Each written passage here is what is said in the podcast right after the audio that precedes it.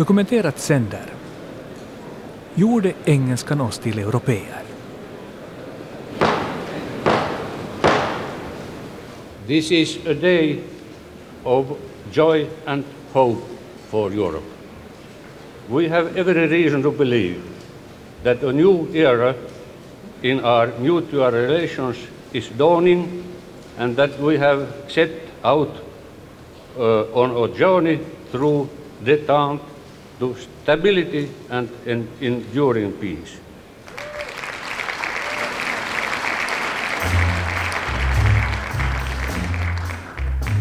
Det fanns en tid då man i Europa trodde på fred.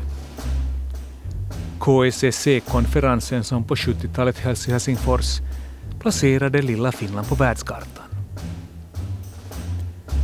President Kekkonen hoppades att konferensen skulle leda till en varaktig fred i Europa och utrikesminister Ahti Karjalainen önskade delegater från hela världen välkomna till Finland.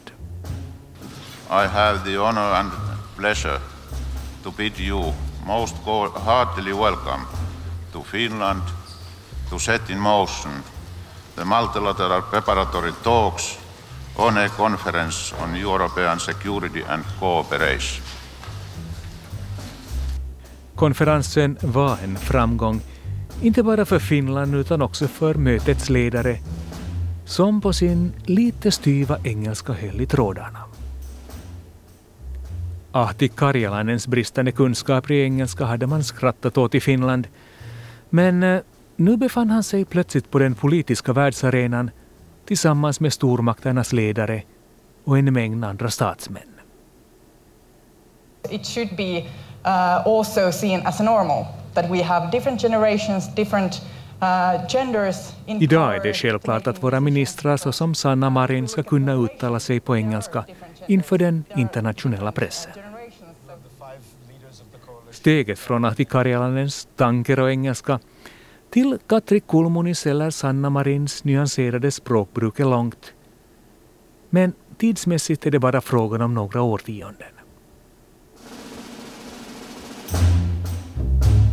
Det här programmet ska teckna en bild av vår närhistoria utgående från engelskans inflytande över oss.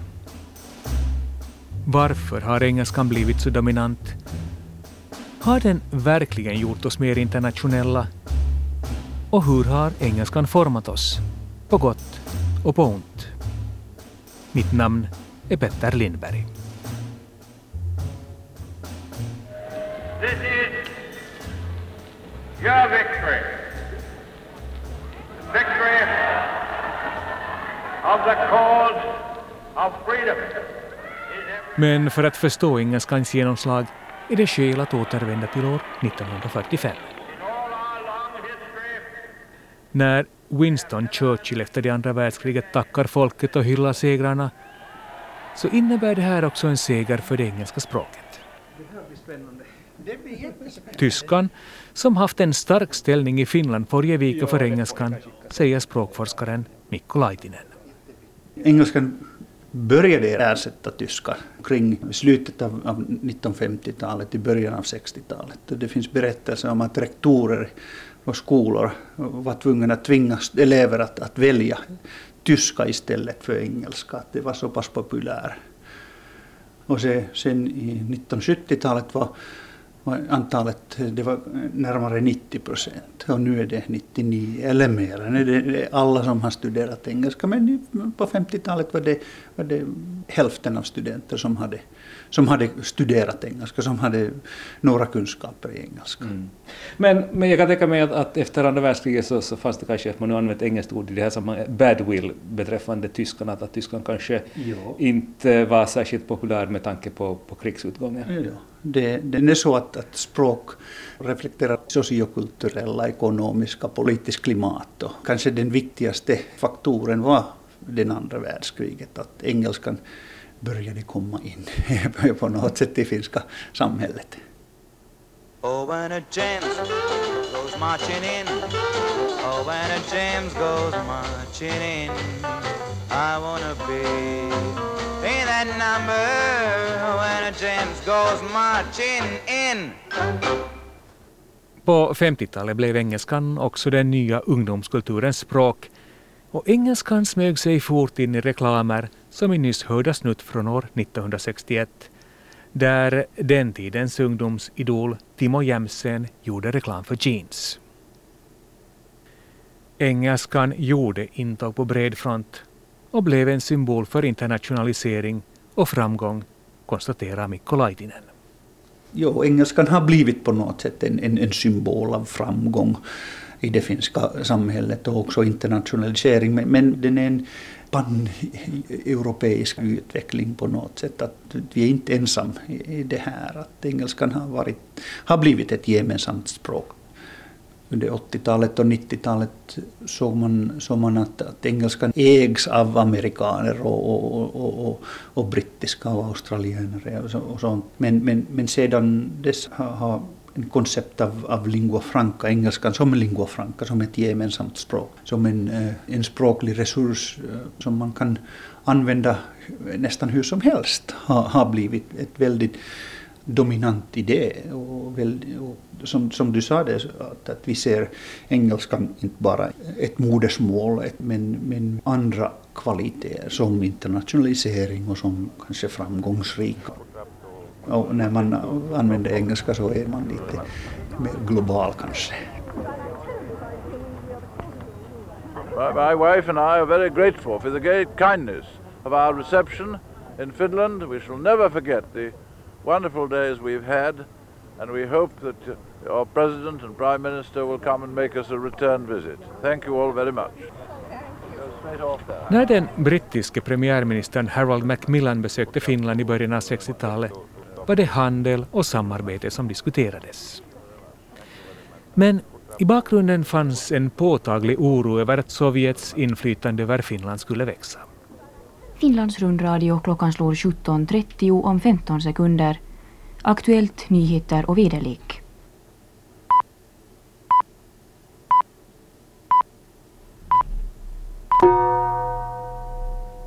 Nu över till de brittiska gästernas avfärd från Sjöskog idag. Per Stenbeck.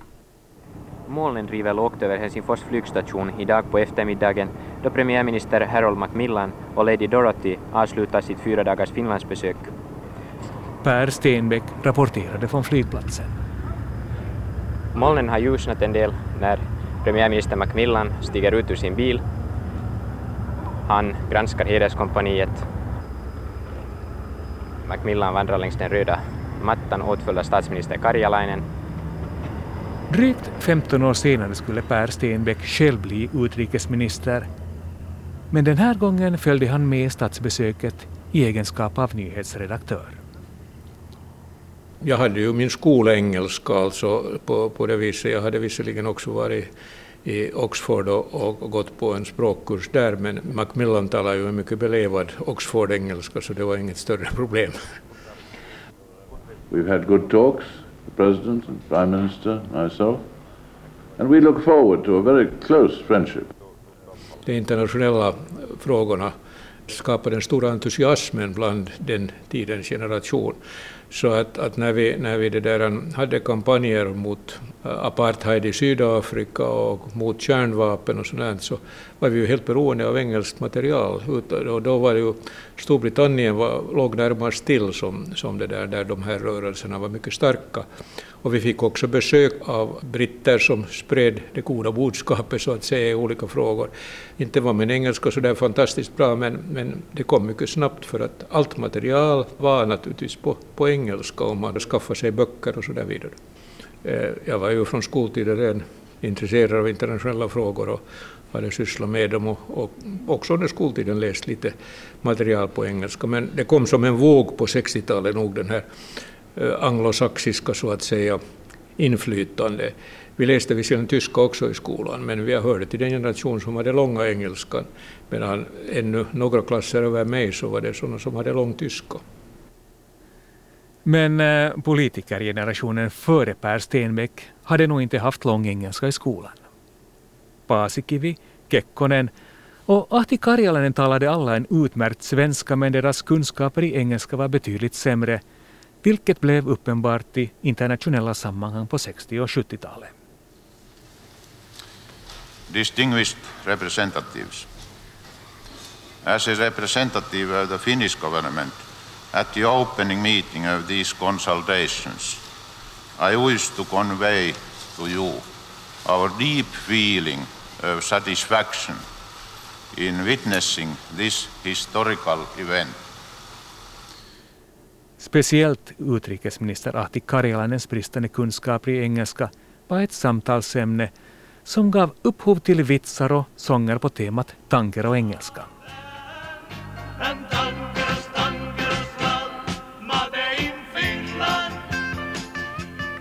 Enligt legenden skulle ordet tankero härstamma ur en vits som handlar om hur Ahti Karjalainen besöker ett zoo i Afrika. På en skylt varnas det för farliga djur, vilket får Ahti Karjalainen att utbrista All animals are tankeros. Tankero, engelskan, har alltså blivit synonymt med dålig engelska och förknippas i hög grad med just minister Ahti Karjalainen. Sen har vi då det här fallet Karjalainen som, som alla har liksom betraktat som typexemplet på, på den här eh, tankero-engelskan så att säga, som det kallades i, i skämtteckningarna. Eh, hans starka språk var väl tyska helt enkelt. Han hade läst långa tyskan som då var förhärskade långt efter kriget också, och framförallt före kriget. Jag kan tycka att det är lite orättvist att just Ahti Karjalainen hängs ut som en representant för tankero-engelskan. Varken Mannerheim, Paasikivi eller Kekkonen talade en särskilt god engelska. Men kanske presidentämbetet skyddade dem i motsats till Ahti Karjalainen som kunde pikas för såväl knackig engelska som osunda levnadsvanor.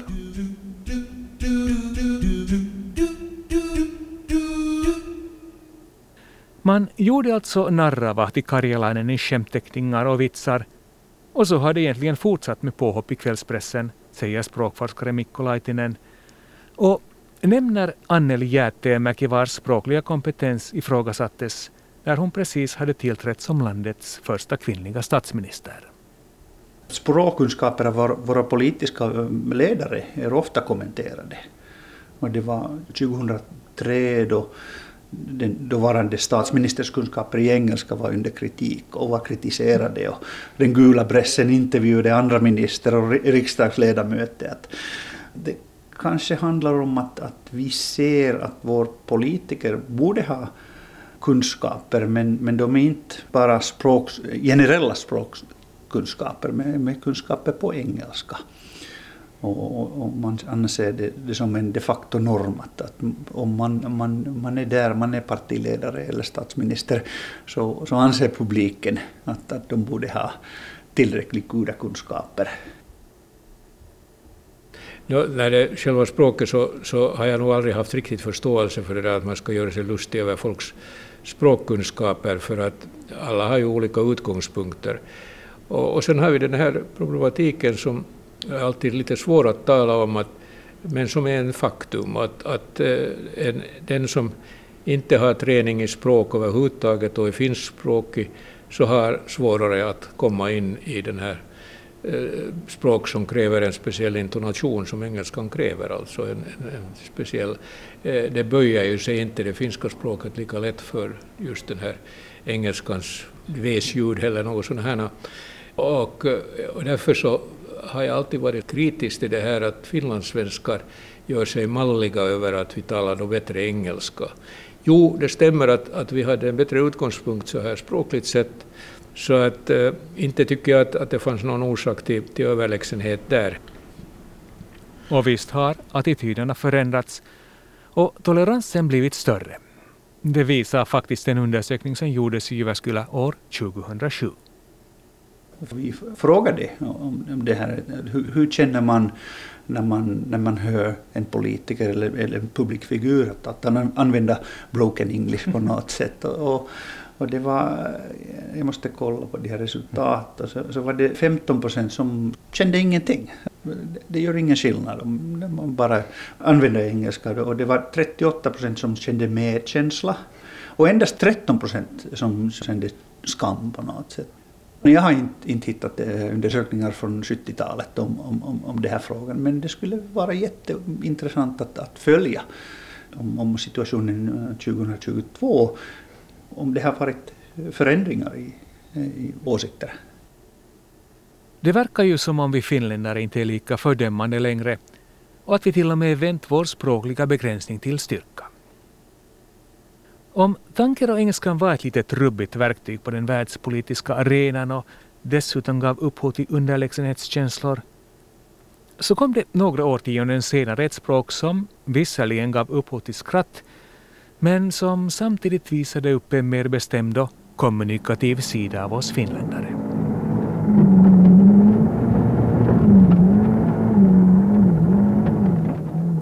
I have in plan, you know, that's my, I not say grande finale, but you know, I want, you know, nice rally for me and we will find, you know, in uh, good solution in, uh, in, in our, our team and, you know, now is really rally start today and, and we will see. I go day by day and I hope his Sunday is coming good result.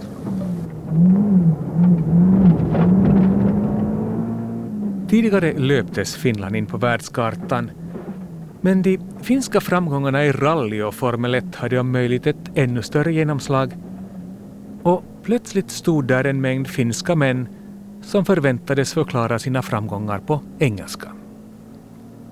Kielitaito oli hyvin huono siihen aikaan tietenkin.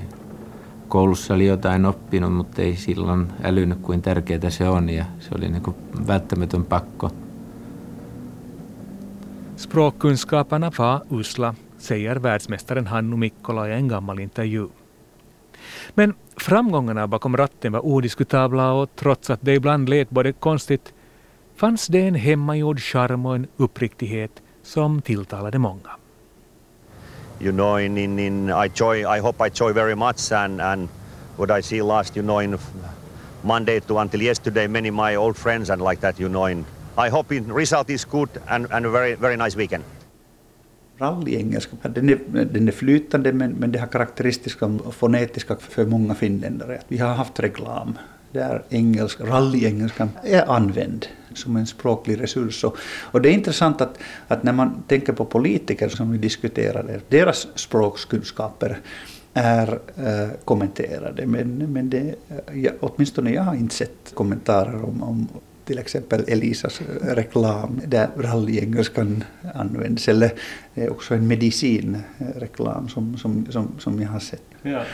Men jag kan nästan säga rally, rally English som, som är ett sätt, och nu använder jag igen ett engelskt ord, reclaiming, att, att man, man liksom på något sätt tar engelskan till sig och man tar så att säga makt över språket. Ja, det, det, det, det, som jag sa, det, att, att engelska som, som lingua franca, som ett gemensamt språk, att de som använder engelska bryr inte så mycket om norm och, och, och hur, hur engelskan borde användas.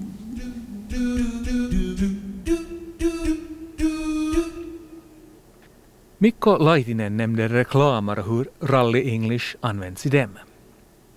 Reklamer är överhuvudtaget en intressant indikator på engelskans ställning i vårt land.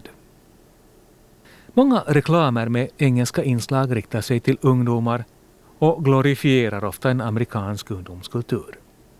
Tuggummi, kläder och musik har man genom åren sålt på engelska i det här landet och om man går in på den finländska databasen Elonet kan man till exempel ta del av följande reklam från år 1979. Coming to your town soon. The Jeans Machine Experience. Get in on the action, the excitement. Get on the Jeans Machine. You've got to feel it to believe it. Make the Jeans Machine your scene.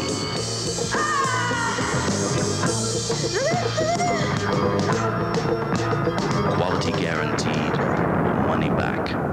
Jeans Machine. Av eh, någon anledning verkar de engelska reklamerna vara speciellt frekventa under slutet av 70-talet och början av 80-talet.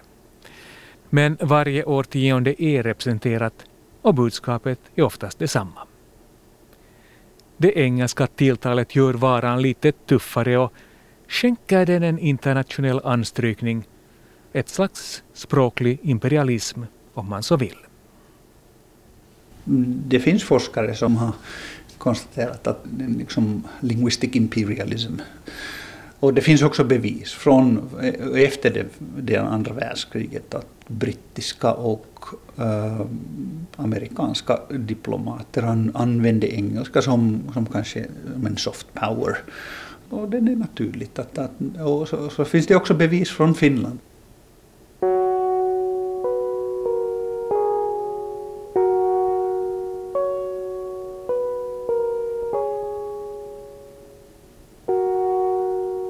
Jag skrev en artikel eh, där jag beskrev engelskans historia i Finland och jag försökte hitta källor om, om hur undertextning på, på finska TV, TVn, vad var beslutet som, som ledde till att vi, vi ville använda undertexter istället för, för, för dub, dubbingen. Så, så, så fanns det en, en historia av YLE där man skrev att, att den brittiska ambassaden i slutet av 50-talet, de var oroade om att Finland skulle falla till, till den sovjetiska medverkan på något sätt. Och det finns också bevis att alla nyheter i radio och TV kom från eh, angloamerikanska nyhetskällor. Men, men å andra sidan är det, är det, är det så att, att språk handlar ganska mycket om makt. Eh, nu är det ju det faktum då att, att naturligtvis engelskan är ju också ett maktspråk så att säga. Och eh, det inser ju till exempel kineserna som frenetiskt lär sig engelska i väntan på att kinesiskan ska efterträda engelskan som man, man tippar eller tror eller hoppas.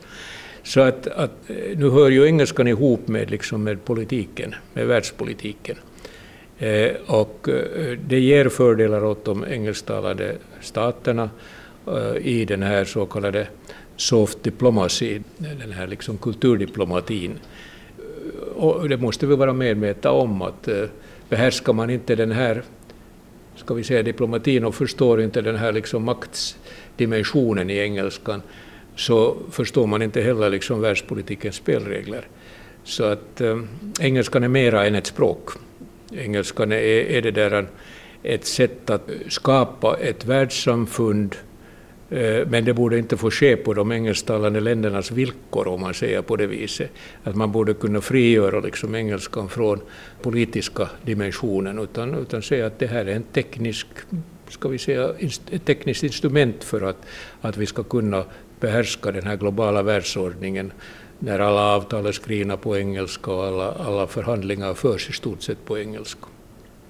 Och om man backar lite i tiden så, så, så, finns ju engelskan där som någon slags kolonialistiskt, imperialistiskt språk. Att, att det finns ju kanske en, en barlast där i engelskan som, som kanske inte alltid gör det alldeles bekvämt att, att kommunicera. Men så har det varit med andra språk också under tidernas gång. Franskan har varit ett sådant språk och, och i Mellanöstern hade arabiskan ett erövrarspråk och persiskan och så vidare, så vidare, kinesiskan, har varit det alla i tur och ordning och, och kanske då regionalt.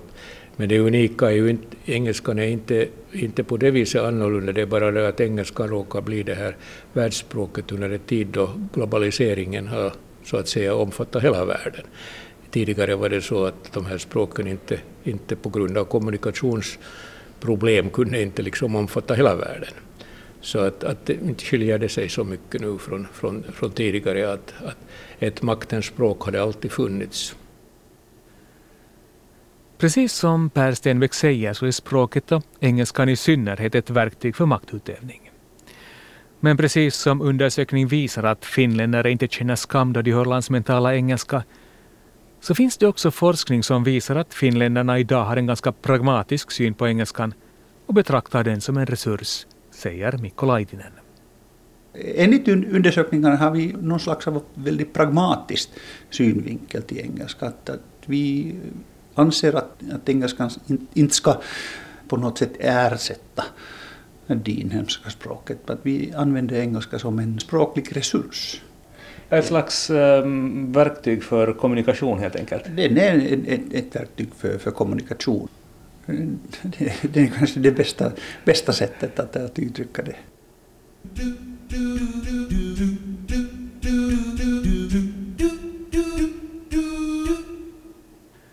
Vi har vandrat en lång väg från tanker och rally English till en punkt där det mer eller mindre tas för givet att alla kan engelska. Visst är det ju så att alla nog förväntas kunna engelska och det hör vi ju från många håll också i arbetslivet så nu vet vi ju att, att man behöver engelska. Och också finländska företag är ju, är ju internationella, det är mycket global äh, verksamhet. Och engelska är inte kanske mera äh, ett ovanligt främmande språk utan det ska finnas i repertoaren. Det säger gymnasieläraren Sonja Bise och tillägger att språkundervisningen i engelska befinner sig på en väldigt hög nivå. Alltså det har ju kommit väldigt mycket eh, skolor med engelskspråkiga linjer också under åren i Finland. Att här i Helsingfors så finns det ju finska skolor som har engelskspråkiga klasser. Det finns också internationella skolor.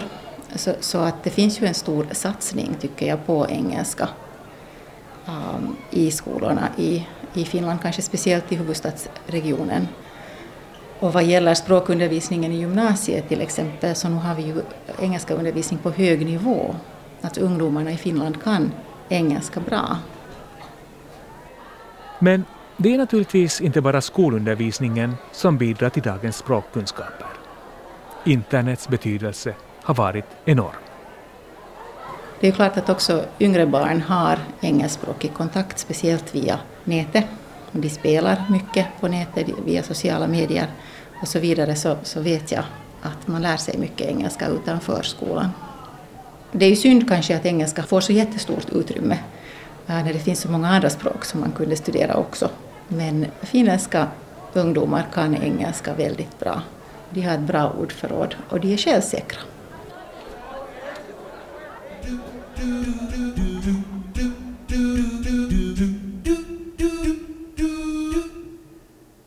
Det är inte bara språkkunskaperna som ökat.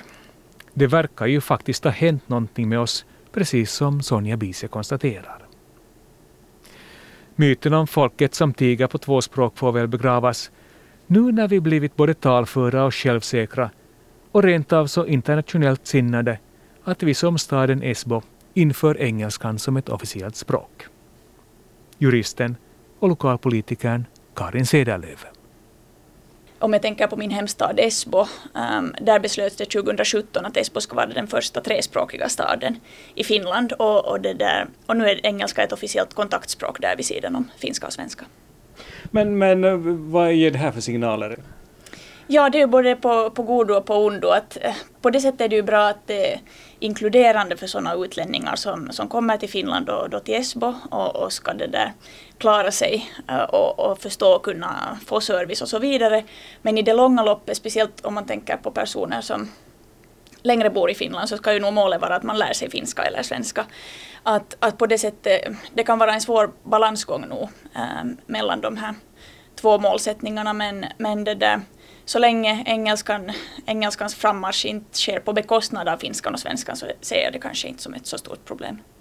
Ja, jag kan tänka mig att, att, den gamla hederliga integrationspolitiken där, där de som kommer till Finland då ska lära sig eh, kanske då oftast finska men ibland också svenska, att, att man på något sätt knyter dessa så att säga nya invånare tätare till sig i och med att, att man också ger dem ett slags språklig tillhörighet. Och nu är det ju hela eh, den finländska kulturen och, och finländska samhället kretsar ju nog mycket kring vårt språk. Och, och det där om vi, om vi ger upp det i det här hänseendet och, och säger att okej, okay, ni behöver bara lära er engelska, så det, det är ett ganska stort beslut. Och, och, vi ger upp en ganska stor del av, av kulturen, men, men det där man ser ju nog vissa sådana tendenser och, och finnar kanske lätt, lättare också ger upp det här språket och övergår till engelska än, än i många andra länder i Europa till exempel. Mm.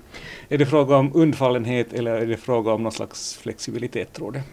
Um, jag tror att det är god vilja bakom, att, att man vill vara inkluderande och, och det där. Kanske till viss del nog undfallenhet, ja.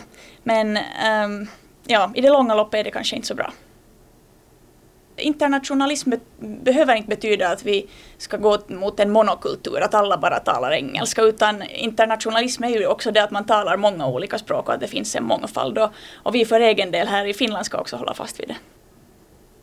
Precis som Karin Sedelöv säger så finns det en fara i att vi intalar oss att engelskan kan ersätta de inhemska språken. Och där är hennes äldre politikerkollega Per Stenbeck inne på samma linje. Man har ju sagt att språken kommer alla att försvinna, men det tror jag inte alls på det där att, att, att engelskan skulle helt ta över. Jag skulle lite se upp när, när borgmästare Vartiainen säger att, att vi ska införa engelska som ett tredje språk. Eh, då ska vi inte tala om det som ett tredje språk, utan vi ska tala det som engelska som en, en service, eh, det där en facilitet, och inte som en jämställande med de två andra språken. För då, då kan man lätt, den här moderniseringsivern går så långt att, att, att det blir ett självändamål det där, om man tror att, att, att vi ska bli modernistiska och internationella genom att, att deklarera att, att, att vi talar alla engelska. Och det, det, tror jag inte att håller i längden, alltså du måste också, också satsa på, uh, på egen art. Inte kommer turisterna hit för att finna ett engelskspråkigt land, utan de kommer hit för att finna ett land som, som är unikt och genuint på sina, e, på sina egna kulturella och språkliga villkor. Ja, det finns ju faktiskt en uppenbar fara att vi i vår internationaliseringsiver glömmer bort våra egna språkliga rötter och istället skapar en grogrund för en global elitism. Man ser rent tecken på en, ett uppror mot den här globala elitismen. Och, och, om man går för långt där så kan det ju utgöra en fara för demokratin för att folk börjar tvivla på att våra herrar och våra eliter är ju inte våra. De har sina lojaliteter mot andra, andra håll, mot den internationella kapitalismen eller andra värden som, som inte är nationella. Och då får vi en sån här nationell backlash, att, att eh, vanligt folk säger att nu har det gått för långt och, och, och det, där, det är inte vår, vårt land mera. Och då får du liksom också populistiska rörelser som kan i, i slutändan sätta demokratin i fara.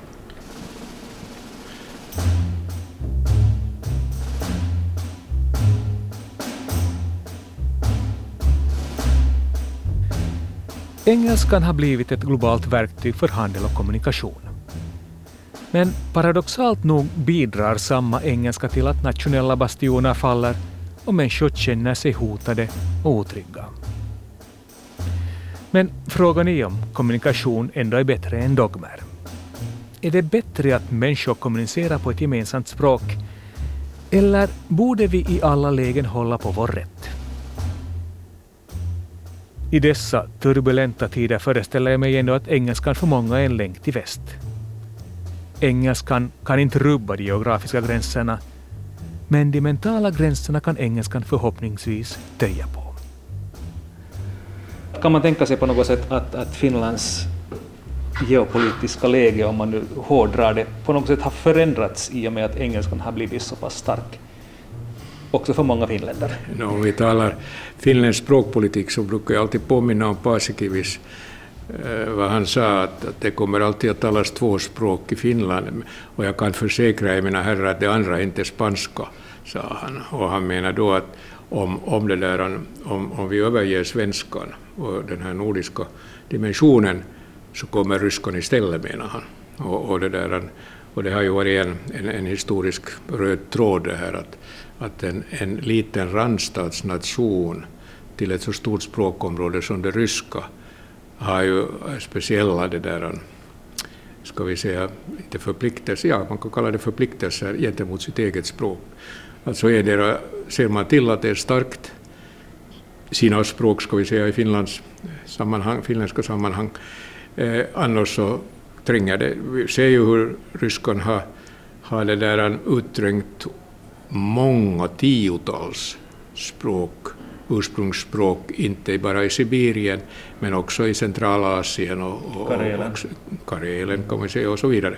Så att, att eh, eh, det är kanske lite svårt att, att här nu placera in engelskan, eh, för att ryssarna får ju också lov att, att, att använda engelskan. Och, och, jag tror inte att ryssar idag gör anspråk på att få ryskan till något världsspråk, men ett regionalt starkt språk eh, som man har mycket stark eh, kulturell affinitet till. Alltså det så att ryssarna har nog, förstår nog värdet av det egna språket. Så att vi har allt skäl att, att också som randstat så att säga se upp med den här saken. Engelskan, jo, det är ett kommunikationsspråk, men nu är det våra egna språk som gäller här, och det nordiska liksom som en, en, en tillräckligt, ska vi säga, stark bastion för att, att motstå det, det kulturella tryck. Och det har vi ju klarat ganska bra egentligen.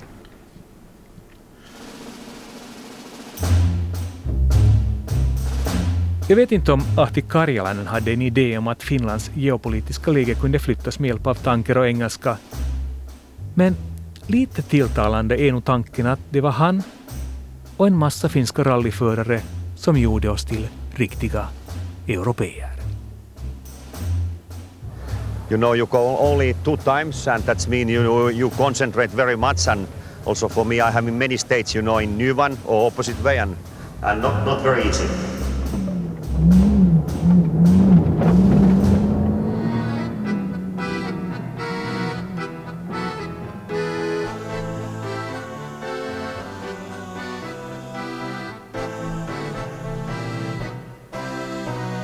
Du har hört radiodokumentären Gjorde engelskan oss till europeer? I programmet medverkade Mikko Laitinen, språkforskare vid Östra Finlands universitet. Politikern Per Stenbeck, Sonja Wiese, engelsklärare vid gymnasiet Lärkan och lokalpolitikern och juristen Karin Cederlöf. Producent var Staffan von Martens, för ljuddesignen stod Jyrki Häyrinen och mitt namn är Petter Lindberg.